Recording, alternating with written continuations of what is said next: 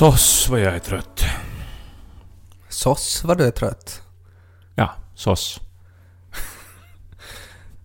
Ja, vad betyder det? Du vet inte vad det betyder? Nå, det är någonting man sätter på potatis. Sås. SOS alltså. SOS. Ja. Save our souls. SOS vad jag är trött. Mm, Sås. Så pratar ungdomarna nu för tiden. Ja, ja, men förstås vet jag inte. Nej, Varför ska man säga så? För att man... eh, Det är som man säger nu för tiden. Ja, men be, alltså betyder det Save our souls? Alltså SOS? SOS betyder knappast Save Our Souls. Ja, det betyder det. Save Our Souls. Mm. Alltså, Rädda våra själar. Det betyder SOS. Har du inte vetat det? absolut inte betyder det det. Ja. Den här internationella räddningssignalen skulle Mm. alltså betyda Save Our Souls. Vi lyssnar på lite musik nu medan du kollar på Wikipedia. Varsågod.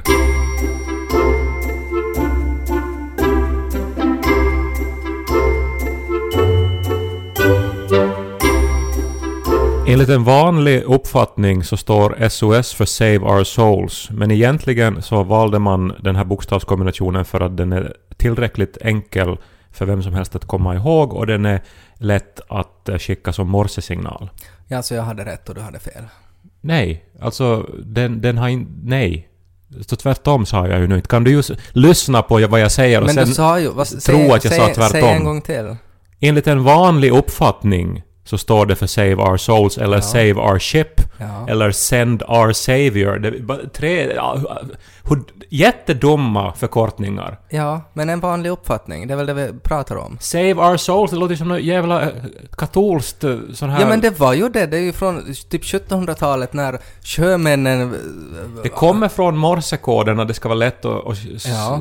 skicka tre korta, tre långa, tre korta. men en vanlig uppfattning är att det heter Save Our Souls. Nå, SOS. Orkar inte lyssna på det här längre. Nej, SOS. okej. Ja. Men jag har försökt vara ung nu. Mm, För jag har bara gjort gamla saker den här veckan. okej. Riktigt gamla saker. Okej. Ja. Du har varit och uh, kollat prostatan, uh, putsat löständerna, uh, varit arg åt vädret. Nå, du försöker ju vara rolig nu men det är ju Mm. typ det här. Jag, jag, har, jag har bokat en hälsoundersökning. Mm. Jag ska undersöka min hälsa för att Är det jag därför är gammal. du är så fittig? Nej, jag, jag är arg för att du börjar med att save our souls och sen också påstår att när jag då har kontrollerat att jag Nej, har kontrollerat fel. Jag pratar alltid om allmänna uppfattningar. Vanliga uppfattningar, det är det, det, är det som är min grej. Och vad är Van- din vanligaste uppfattning om hälsoundersökningar då? Eh, man gör det ju när det är man är... ga- gamla människor som får på dem. Ja, man gör det väl nog också när man fyller 30. Så det är en sån här allmän grej. Att då när jag uh, fyller 30 så då blev jag kallad in på jobbet att nu ska vi se om du lever. Ja. Och, Så, så jo, det är ju gamla människor men att också kan ju unga snygga piloter hamna på en hälsogranskning för att se hur, vilken mack de klarar av hastighet och sådär. Så det kan ju vara nog sexigt med hälsoundersökning också. Jag försöker hjälpa dig nu och försöka... Nej, jag, men, nej, men jag är så här orolig för att det är som det här är en sån här, vet du, att nu anses det vara nödvändigt eller kanske, vet du, för säkerhets skull. Ja men det är väl, det är väl just med betoning på för säkerhets skull och försäkrings skull och sådär. Jag menar, vi är ju i den här åldern nu att, att det är inte liksom självklart för oss att man får vissa saker. Jag menar, vissa hundar till exempel, att, att jag menar hundförsäkringar är ju att när de är över 10 år så då tar försäkringen slut för att då är det sådär att, att då kommer de att vara i så stort behov av det så det lönar sig inte mer att ha en försäkring för dem.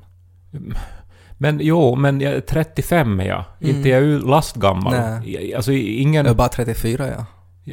Herregud. Sås, sås. Sen har jag beställt en bokhylla. Ja. Och jag måste liksom när jag... Alltså en måttbeställd hylla. Och Mm. det här är ju någonting som jag nu då har drömt om hela mitt liv. Mm. För att eh, nå, som barn så hade vi ingen bokhylla hemma. Eller vi hade en hylla men vi hade porslinsfigurer i Mm. den. Och, och ett uppslagsverk. Mm. Eh, och jag drömde alltid om att ha en sån här stor bokhylla som fanns hemma hos min kompis Joanna till exempel. En måttbeställd bokhylla, det var liksom din, din, din dröm när du var barn. Ja, att jag ville ha liksom vet du, att hela väggen är täckt med fucking böcker. Ja. Och, och eh, nu har jag då beställt det här och eh, han då som jag nu ska betala otroligt mycket pengar till för att han då ska komma och göra hyllan hemma hos oss. Mm. Så han typ skrattade och sa att det är ju det är ingen som köper längre. Mm. Att, eh, att hans business nu så liksom har som helt vänt då som till bord och bänkar Mm. och hatthyllor. Ingen läser böckerna mer. Ingen har bokhyllor hemma längre. Nej. Så då känner jag mig riktigt gammal. Ja, Fast jag var, förstår också var nöjd, eller som lycklig. Du var Men- liksom glad att du var speciell och unik då. Ja. Mm. Och, och, och, och sen blev jag bara äldre. Mm. Så då beställde jag biljetter till humorgruppen Kajs musikal. Mm. Gambemark. Och tänker att men det får dig att känna dig ung. De, de släpptes ju i lördags, de här biljetterna. Mm. Och eh, vad jag nu hörde så på en dag Mm. så såldes det 7000 biljetter. Ja, får jag säga vad, vad din spontana reaktion till det där var? Nej men jag håller ju på att säga den nu. Ja, Eller menar du det som jag sa när jag kom in hit för en stund sedan? ja att, det, att det kan inte stämma att det är en bluff. Att det här är, Det det sa här är jag fake verkligen news. Det sa jag verkligen du. inte. Det sa du uttryckligen att det där, kan, att det där är, är siffror som, som, som inte kan existera. Jag uttryckte skepsis för att jag vet hur det ser ut vid Vasa Teaters biljettkassa. Och att på en dag hinner de inte processa 7000 biljetter, det man, kan, vet inte- jag. man kan inte uttrycka skepsis genom att ligga raklång i soffan och säga att det är inte sant. Det kan inte vara sant det där. Jag tror att en del av biljetten hade nog sålts på förhand redan, tror jag. För 7000 på en dag är som en så oerhörd summa. Mm, att det måste vara lögn. Jag, jag sa inte att det var lögn och nu Nej. tycker jag det är orättvist att du ger Det var, lyssnarna bara, en det sån... var bara osant. Men har du sett den här trailern? Nej, jag har inte sett trailern. Nu, Vi är ju med i den. Jaha. Och jag vet inte om de, om de, om de liksom försöker starta någon sorts fade här. Vadå för trailer? De, de har släppt en trailer som handlar om att nu finns det biljetter till salu. Okej. Eh, bland annat på Instagram finns det. Ja. Och, eh, och där då Kan, så... vi, kan vi lyssna på den här trailern? Förstås. Guppar, kängar, båda annat löst folk. Jag kom med tre anledningar. Ja, det var, de, de sa alltså annat löst folk och så ploppade upp en bild av, av dig och mig. Ja, eh, och jag vet inte om de försöker som starta någon sorts fade här nu. Jag tror eller- att i det här skedet så kan inte vi säga att de ska starta någonting. Utan att här är det ju nog på något sätt den här pågående, kanske fade är starkt ord, men så här pågående, det här som händer mellan dig och dem, alltså. Ingenting händer mellan mig och dem. Nej, jag, jag. Alltså jag förstår inte alls vad du, Nej, nej, vad du nej. menar. Nej, Nej, men jag förstår på riktigt inte vad du menar. nej men jag, det, förstår, jag förstår det som jag skulle gärna vilja att vi skulle prata lite om Ja. här är... eh, Alltså nu då har de sålt då 7000 biljetter kanske, Mm, och eh, på en dag. ja. Och eh, med den där trailern. Ja. Och alltså de, de radar alltså i trailern upp tre orsaker till varför man ska se den här musikalen. Jaha, Eh, och, alltså det är det som den här trailern går ut på. Tre Ja, orsaker precis. varför du ska se vår musikal. exakt. Och, eh, och det är alltså 7000 människor som har, som, har, som har funnit de här orsakerna tillräckligt attraktiva för att de ska betala för det då. Ja. Och de här orsakerna är, Mm. eh, och, och nu, det här är alltså rakt från trailern, det här är deras egna ord. Ett, det är sång och musik. Det är massa sång och dans. Ja. Två, det finns kaffe i pausen. Det finns kaffe i pausen. Tre, de har folkdräkt. Vi har folkdräkt! ja. Men för, för, för, för, led mig igenom det här. Hur, al- alltså vad, vad är det som händer? För alltså, är, är det humor det här? För al- alltså, jag, jag, Ja. jag, alltså där är ju inget skämt där. Nå, nå, grejen är väl den att det, de är ju, det är ju humorgruppen Kai. Jo, jo, jo. Alltså, alltså det, det, Det är vet ju, alla. Det är Det- humor som de sysslar med. Och, och det är väl liksom en, en lite så här charmigt i det här att, att man väljer att inte alls säga någonting. Liksom att vi lovar ingenting egentligen. Så där att vi, vi med flit säger att det som är värt att komma och se på är, är det här kaffet i pausen och det är sång och dans. Så där att man tänker att ja men att själva den här showen, att den är nog inte så mycket men att det finns ju kaffe i pausen. Det är så här lite eh, kanske en liten släng mot den här österbottniska jantelagen att man inte ska tro att man är något sådär. Att, att jag, jag tycker det är lite så här charmigt och kul och, och att jag förstår nog liksom att folk går igång på det. Istället för att vara sådär att, att det kommer att vara färgsprakande sombreron och, och eldshower och sådär. Nej men det skulle måste vara någon sorts grej med det här. Alltså de ra- radar upp tre saker så då borde ju den tredje liksom vara en twist. Men Mm. det som de gör är att de säger tre saker som finns i musikalen och, och ingen av dem är ju, är ju som så här oväntad eller, eller rolig eller... Men folkdräkt är ju lite skojigt nog. En rolig dräkt. Folkdräkt. Alltså det är ju inte klä, men, liksom... men sen när har 7000 människor farit och sett på folkdräkt? Ja, alltså jag det- tänker, är det men det beror, på vem, det beror ju på vem som är inne i den här folkdräkten och om det är såna begåvningar som humorgruppen Kaj i en folkdräkt, så då är det ju skojigt. Men de har ju skrivit om reglerna här nu. Och, och det, är ju, det är ju otroligt och uppenbarligen funkar det ju. Och det är ju, jag menar alltså hats off och allting. Men jag Ja. försöker förstå hur det funkar. Alltså, alltså vad, vad är de nya reglerna? SOS?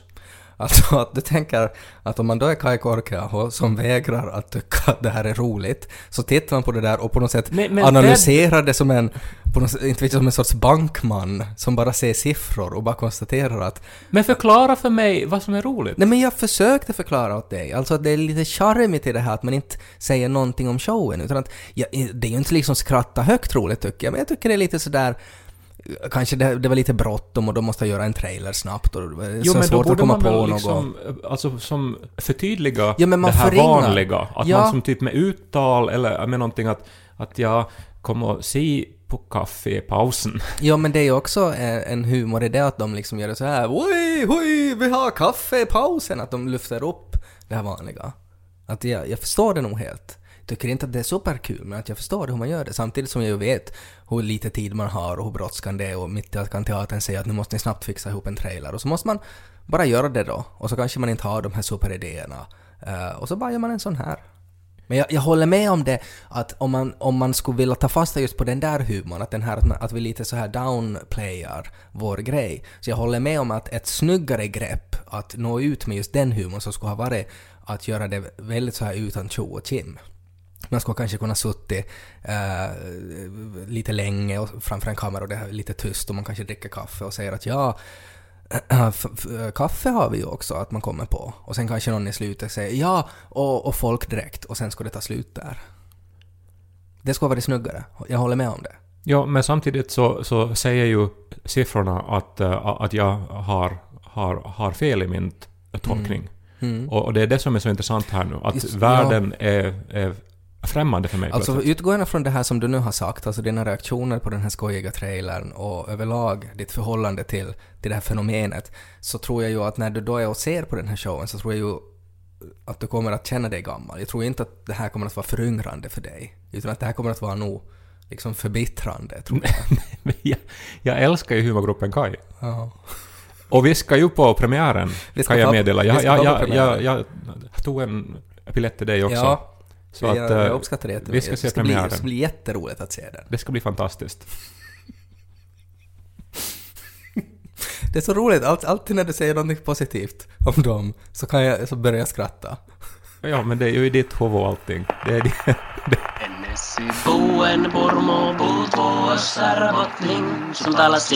Popna vi popnu lys på Ted och Kai Det har kommit kritik mot vår podd också. Eh, Den, det senaste avsnittet hatades ju av väldigt många. Eh, Och det är intressant det här att alltid när man pratar om barn så anser uh, rätt så många att det är totalt ointressant. Ja, no, det, är ju, det är ju sådär att om man inte har barn så då kan det ju vara ointressant samtidigt som man ju har varit barn. Det är precis det där som jag tycker att vi skulle måste lite prata om att varför är det så totalt ointressant med barn om inte man har barn själv?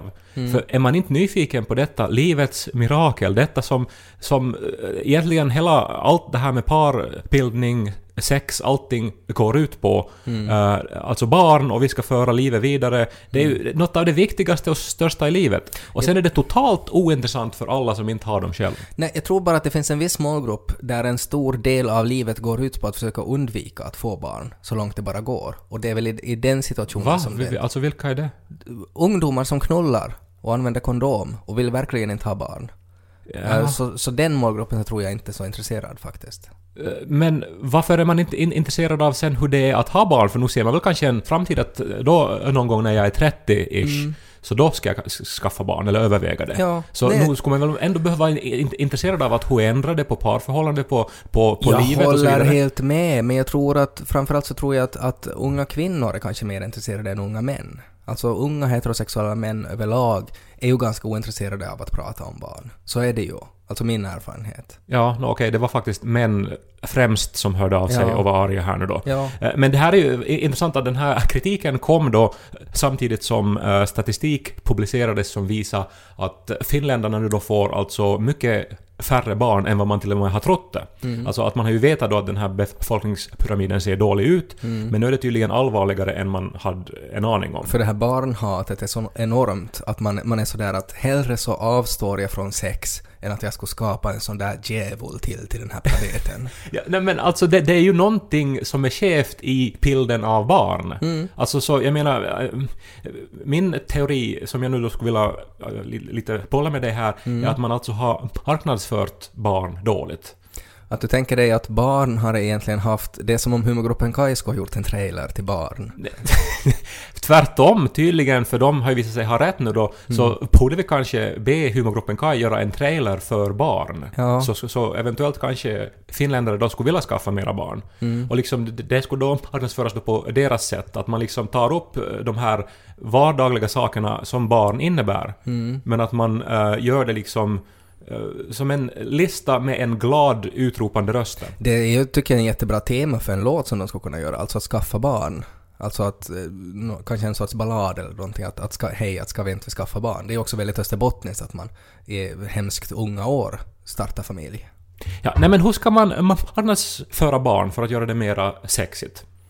Nå, jag tycker att vi ska inte använda ordet sexigt till en början, när det handlar om marknadsföring av barn. Nej men... eh, Att där, där, det är liksom är första ord- punkten. Ett ord som har fått nya betydelser, alltså någonting ja. attraktivt, någonting man vill åt. Så är det, men fortfarande så vidhåller jag att när det gäller marknadsföring av barn så ska vi undvika ordet sexigt. Nå, hur ska vi få barn mera intressanta och eh, eh, som en mer eh, eftersökt eh, Ja. livsstil? Kanske man kan försöka hitta de här, de här eh, grejerna som man inte riktigt eh, spontant kommer på. Alltså sådär, man får ju åka buss gratis och spårvagn. Det är jättebra. Får man, men det får man väl inte, eh, Ja, alltså alltid om man har barn. Det är väl om man har barnvagn kanske? Ja, exakt. Så Ja. är det. Men det finns inga regler på hur gammalt barnet ska vara eh, i, i själva barnvagnen. Men, ha, Jag tänker ju nog ha liksom Lo i barnvagn med spårvagn tills han är liksom 19-20. men är du 100% säker på det här nu? Alltså, Ja. har du råkat ut för en kontrollant på bussen och du inte haft biljett men du har haft barnvagn? Jag har inte gjort det, men, men eh, enligt min sambo som har åkt mer än jag, så att de bara hoppar över en. Jaha. Mm. Det är ju intressant. Men Det är okej, jätteintressant. det skulle kunna vara del ett i trailern då. Sen är det ju sådär om man tänker så här spontant vad det kostar att ha ett barn till sig 18, så att nog lönar det ju sig att betala 50 euro i månaden för, för, för liksom spårvagnskortet. Att det är nog billigare det. Absolut. Så att... eh, Men det, det är ju en sak, men jag tycker kanske man borde ta fasta på eh, kanske den här framtidsaspekten. Att, att, att barn har ju en skyldighet sen att, liksom, att ta hand om en när man är lika gammal och, och bitter som du är till exempel. det har de ju inte alls faktiskt i Nej, lagen. men, nej, nej, det har de inte, men att man, kan ju, man har ju möjlighet att, liksom, att uppfostra en sån skyldighet till dem. Eller kärlek kallas det väl, tror jag.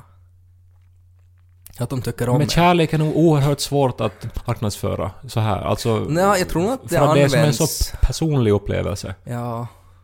Men, men även om det är personligt så kan ju allihopa tolka det. Jo, men man hatar ju alla andras barn, Ja. utom sitt eget. Ja, så är det. Så att- men där är ju liksom kärleken är skillnaden där då. Jo, jo, exakt. Men att det går som Kan inte att det vara- liksom i en reklam f- Nej, men skulle, förmedla. inte- skulle inte kunna vara liksom mottot där då, att kärleken är skillnaden? Kärleken är skillnaden. Och så skulle det vara på något sätt att man har en snorunge som, är liksom, som man hatar genast när man ser honom och bara yeah, yeah, yeah, och slänger saker. Och sen har man eh, en annan uh, förälder då som kommer dit. Och så är det, så är det, det barnet är liksom den här typen som kommer dit och man ser att han, han älskar det här barnet fastän det är en snorunge. Ja, men det gillar jag. Och så, så är det liksom kärleken. Kärleken är skillnaden. Och så klär Mm. vi barnet i folkdräkt och så en ordvits som eh, liksom rubrik. Mm. 7000 biljetter. 7000 barn. Jag var på teater. Mhm. Jag såg på den här Arki ja Kauhu. Har du hört talas om den? Nej. Nå, det är kanske vårens mest omtalade teaterhändelse. Omöjligt att få biljett. Okej. Och... Mm. Men Uh, du fick då? Nå, för jag bokade för jättelänge sedan. Mm. Eh, på Q-teatern i Mm. Tölö och eh, det är Axel Pettersson som har re- regisserat. Jaha. Och... Va? Nej, jag, jag bara... Vad är den där minen? Nej, du bara sa det som att jag borde veta vem han är. Nå, han är nog kanske den mest hypade regissören vi har i hela landet Ja. just nu. Så är det. Men Ja. du vet ju att jag överhuvudtaget inte följer med finska teatervärlden. Men han är finlandssvensk Ja, nej men... dessutom. Ja, men om man heter Axi så nog tror jag ju att han är finne då. Om man är Ted så tror man att man är från Texas. Ja, men jag har ingenting emot det. Man lo att man är från Norge. Menar du liksom Lofoten? Men eh, den då handlar om vardagen. Och, va- och liksom... eh, alltså den heter Arki Jakauhu. Så det är liksom vardag och skräckfilm som på något vis flyter ihop. Mhm. Det är liksom skräckfilm, splatter på teater. Det har man inte sett så jättemycket av. Nej. Och, och att det då tar avstamp i vardagen som är så... Som vi ju alla lever hela tiden. Och eh, det liksom... Man har som en vardag på scenen. Alltså man, man duschar, man gör mat, man sitter, man pratar inte så mycket, man har tråkigt, man eh, håller på med sin telefon, leker lite med hunden, spelar ett ackord på sin gitarr och lägger undan den igen. Uh, oerhört långsamt, precis som vardagen är. Mm. Men så kryper liksom då den här skräcken in, att de, då plötsligt av, avbröts då allting liksom av ett skräckfilmselement och det kommer in en enorm mördarsnigel till exempel. En enorm mördarsnigel. Till exempel ja, så här skräckfilmsestetik vet du. Men mördarsniglar är väl inte någon skräckfilmsestetik? Nå, från 50-talet så var det ju mycket såna här vet du, stora eh, monster som liksom hade muterat eh, Ja. efter att det kom olika beams från yttre rymden Ja. och så här. Mm. Så att uh, såna här gamla skräckfilmer hade ofta stora mördarsniglar och sånt. Ja, men... Kanske någon film hade mördarsniglar, men inte var det ju någon sån här grej att det var så allmänt liksom varulvar, spöken, mördarsniglar. Men där var också varulvar och där var liksom eh, Michael Myers från Ja. Halloween och Ja, så det- vidare. det köper jag. Och gräsklippare. Och mycket blod. Jättemycket blod. Gräsklippare kanske inte heller en, en trop i skräckfilmer. Ja, Det, det är visst det. Gräsklippare? Splatterfilmer är gräsklippare en mycket använd trop. Okej. Har du sett Peter Jacksons ursprungliga, de här hemmagjorda filmerna Bad Taste och Brain Dead och de här? Ja. Ja.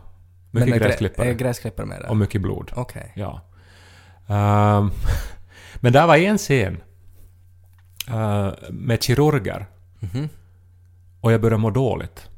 För att du tänker på den här hälsogranskningen som du ska på.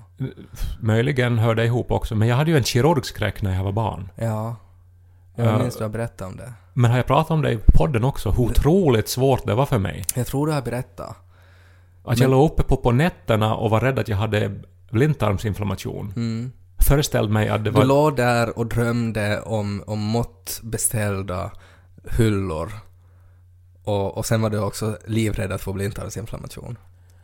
Och eh, så min pappa arbetade ju på, på sjukhus. Mm. Eh, som sjukskötare. Umgicks ju då tydligen dagligen under min barndom förstås med kirurger. Ja.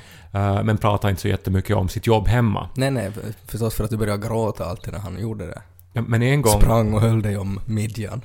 men en gång så eh, hade han julfest.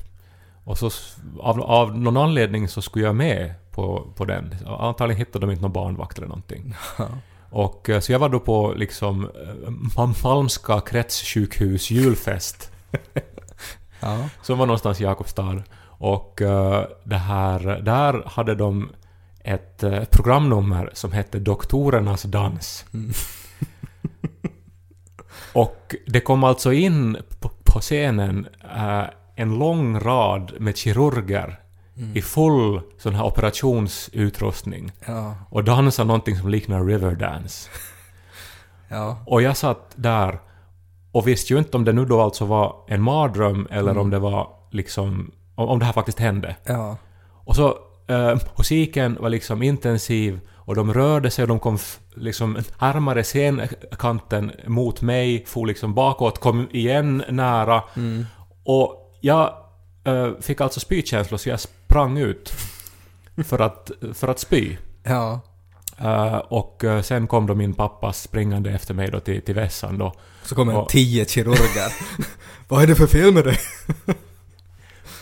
Nej men det här, alltså där då så, så, så upphör det här minnet då med att min far tröstar mig då medan kirurgerna dansar klart då på scenen. Men vilken otroligt stark skräck det här är. Så är det ju, den är ju väldigt specifik alltså, det tyder ju på någon sorts trauma. Alltså att du har varit med om eh, att när du var jätteliten så blev Men jag har aldrig blivit opererad i mitt liv. Nej men du kanske har blivit skrämd av en läkare när du var riktigt liten. Eller har man någon sorts minne från, vet du, från eh, födsel? Någon sorts sån här synminne av ett sånt här ett kirurgansikte typ. som har då förknippats med uh, otrolig obehag. Det tror jag inte. Nähä. Uh, Men kanske när du var i tvåårsåldern eller någonting så kanske du har blivit otroligt rädd. Och så, så minns du inte liksom vad det var utan att det blev bara en sån här undermedveten rädsla. Lika som att man, du kan ha förknippat det med en lukt eller vad som helst. Men det in- intressanta var ju nu då att i en pjäs som innehöll liksom en massa splatter, blod, tarmar, utdragna tänder och uh, mördarsniglar. Så, så var det alltså de här kirurgerna som jag liksom reagerade fysiskt på och blev, fick ett stort Ja, men det var ju inte, det var ju väldigt logiskt det då, eftersom du ju har trauma av kirurger. Så det var ju förstås att det var ju liksom dem du reagerade på framom mördarsniglarna. Ja, precis. Att det som... eh, det gick utöver det här liksom... eh, den beräknande skräcken som de Mm. var ute efter, alltså regissören och så. Eh, Och gick då liksom rakt på ett sånt här inre... En inre naturlig skräck. Det där, och det där tycker jag är framtiden om, om vi ska prata om skräckfilmer. Alltså eftersom alla har personligt vad man, vad man är rädd för. Lite samma som vad man går igång på också. Alltså så det är ju på något sätt att, att när, när vi pratar om så här att vi lever i algoritmernas tid och sådär och att all internet har all information om dig. Eh, så, så, så man borde ju på något sätt liksom kunna sätta in eh, vad man är rädd för och så görs det en skräddarsydd skräckfilm åt just dig. Och det roliga är ju att det finns ju exakt det. Alltså det finns ju spel idag. Nu kommer jag inte ihåg exakt vad det var det här spelet heter, men, alltså, men, det, men det är ett skräckspel som att som har när man startar det så ska man fylla i vissa saker, att vad man är mer rädd, att är du mer rädd för spindlar än clowner till exempel. Uh, och så beroende på vad man fyller i där så ändras spelet lite utgående från det. Och det är ju jättesmart. Finns det sån porr också? Det, det borde ju nämligen ha Alltså liksom uppfunnits, uppfunnits för, för spelen, tycker man ju. Nej, alltså när det gäller porr så är det väl just de här sökmotorerna. Där får du liksom faktiskt kroxa i då vad du... Det finns ju inte liksom skräckfilmssökmotorer. Där man kan liksom kroxa i milfs. Nej men Så- alltså, jag, alltså att jag tänker ju som en sån, vet du, en... Uh, fylla i vad man går i igång på och så animeras. Ja, men om vi tänker som om vi fortfarande rör oss i spelvärlden så kan det ju hända att du skulle få kanske designa utseendet på, på en person som du kan ha eh, ett förhållande med i spelet. Sånt finns ju förstås. Ja, Mm. okej. Har du det?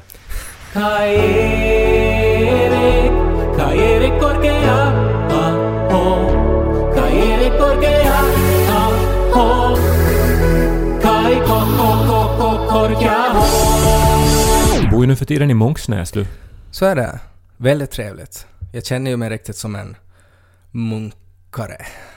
Jag vet inte riktigt vad man säger när man bor här. Ja, det är ju en jättefin lägenhet. Ja, tack. Jag tycker också det är jättefint och, och hela området är, är väldigt fint. Väldigt lugnt och ändå Hemskt liksom nära till centrum. Ja, och nära till dagis framförallt. Det var därför vi flyttade hit. För att vi försökte ju med en sån här 45 minuters pendling till dagiset, för vi fick ju dagisplats här. Och så konstaterade vi att nej, fuck this shit. Och så flyttade vi. Alltid när jag kommer hit också svider det till i urinröret Mhm, och kittlar i analen. okej. Jag åker förbi nämligen den här uh, könssjukdomspolikliniken. Ah, just så. Dit jag... Är det något ex som det kallas så? I Mejlans sjukhus. För det ska vara roligt att ta i telefonen.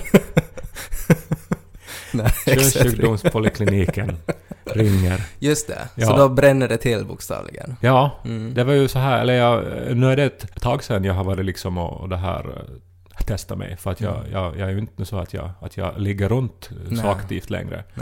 Eh, men att eh, då när man far dit så det här eh, så får man ju in for a lot of, nu får jag inte det här på svenska, Mm. in for a lot of sensation som man säger så. Ja, mycket känslor. Men, men... eh, jag- är ännu inne lite på det här, det är en kirurgskräck. Och jag menar att om, om man lider då lite av kirurgskräck och så ska man ha någon då att, att föra in föremål i ens urinrör. Ja, no, det är ju inte en kirurg som gör det. Det är ju ofta en studerande Jaha. som hamnar på Nacki på fredag morgon. Det har ju flera betydelser det där ordet nacke. Faktiskt, ja. Nej, det är ju, det är ju så liksom att... Mhm. Alltså inte det är ju de här mest... eh, Alltså inte det är ju Dr. House som står där Nej, och liksom katetriserar en. nej. Eh, Utan det är ju någon liten tjej eller kille Mm, som har studerat ett år på läkis. mm. Och, och det, det är ju en otroligt obehaglig känsla, speciellt i urinröret. Mm. Det kan jag tro. Jag har inte upplevt det själv. Så du har inte liksom när du är ute och korrar då med Meronja då så kittlar det inte i analen för dig? Nej, inte, inte liksom av den orsaken, utan att då är det nog, vet jag, att vi har fått någon sån här mask eller något från dagis. I så fall om det skulle börja kittla vid analen. Men, men ännu så tycker jag att vi inte lider alls av något nå ohyra här. Väldigt trevligt. Inga, inga känslor i analen alls faktiskt.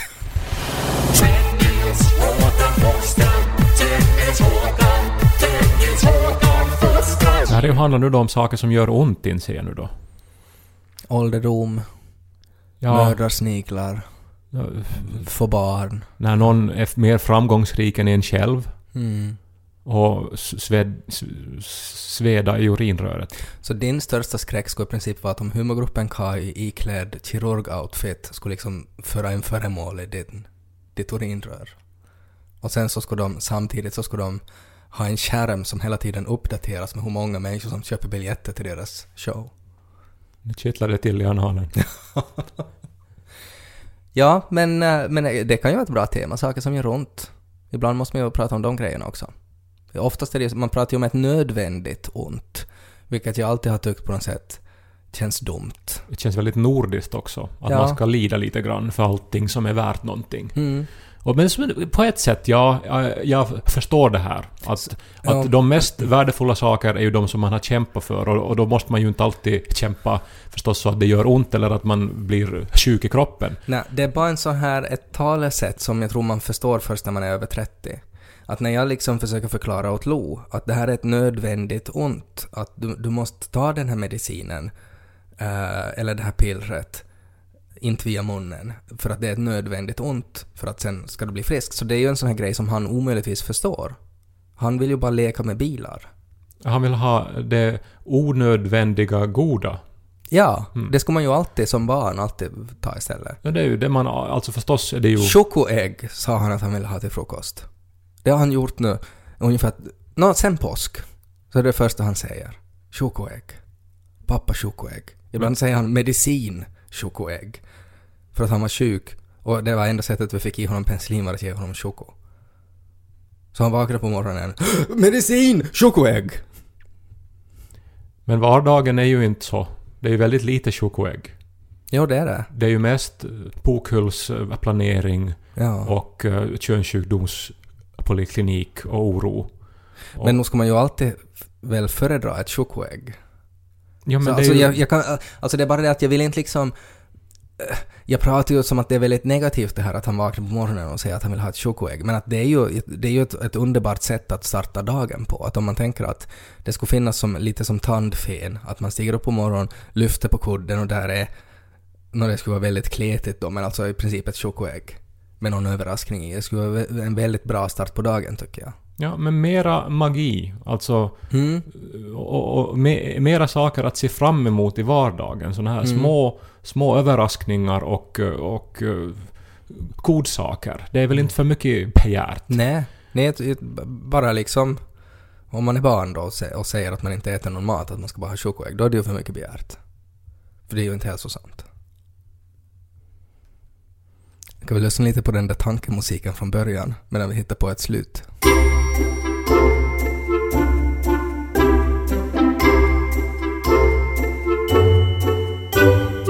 Nu har jag räknat då. Mhm.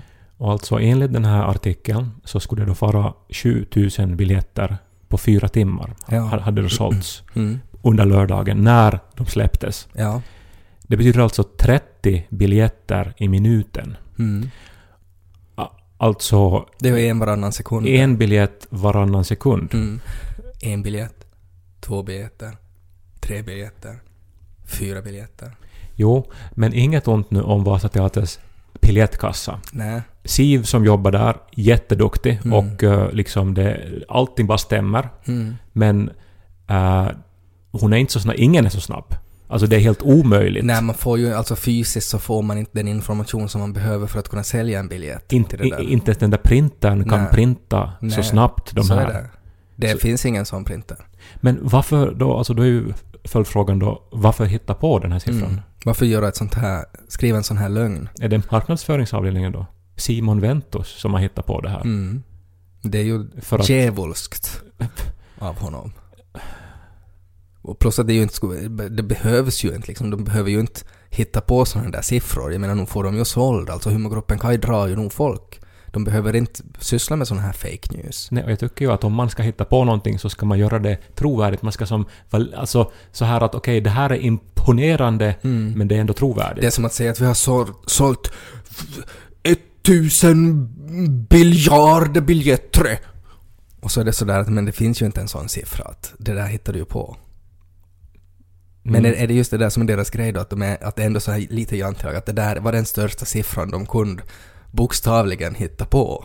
7000. Det Något mer täcks vi inte. Den största siffran som finns i Österbotten har man nu räknat ut på Vasa universitet att det är 7000. Tedokai.